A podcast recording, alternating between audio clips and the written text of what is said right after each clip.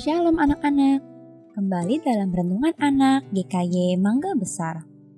Renungan hari ini berjudul Firman Tuhan adalah pembersih terbaik dari Mazmur 119 ayat 9. Anak-anak, selama pandemi ini kita harus melakukan protokol kesehatan.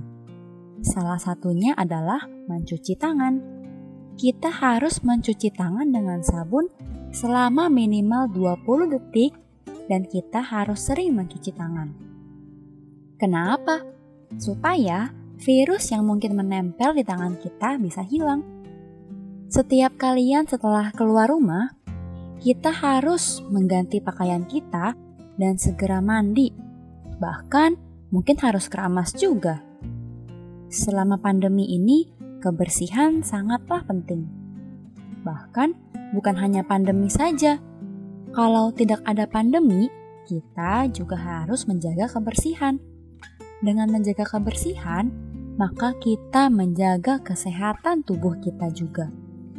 Untuk menjaga kebersihan tubuh, kita menggunakan sabun, shampoo, hand sanitizer, dan yang lainnya.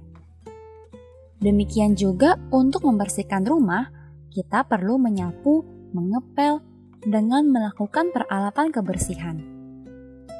Papa mama kalian pasti menggunakan obat pel untuk mengepel, deterjen untuk mencuci pakaian, sabun cuci piring untuk mencuci piring, atau juga untuk baju putih. Kalau misalnya terkena noda, maka harus menggunakan pemutih untuk menghilangkan noda tersebut. Menjaga kebersihan tubuh kita dan juga lingkungan sangatlah penting.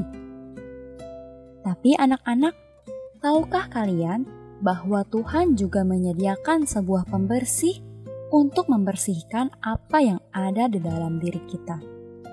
Apa itu? Alkitab, firman Tuhan. Alkitab mengatakan seseorang dapat menjaga kebersihan pikiran dan hatinya atau keinginan dengan mengetahui firman Tuhan dan melakukan apa yang dikatakannya. Firman Tuhan adalah pembersih. Pikiran dan keinginan kita sangat mungkin bisa salah berkali-kali dalam sehari.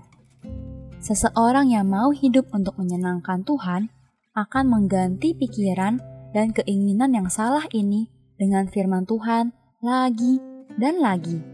Sama seperti dia mencuci tangannya berulang kali. Anak-anak, coba bayangkan, suatu ketika kalian sedang bermain di depan rumah. Saat bermain, tiba-tiba kalian terjatuh dan tangan, kaki, juga baju kalian jadi kotor karena tanah yang menempel.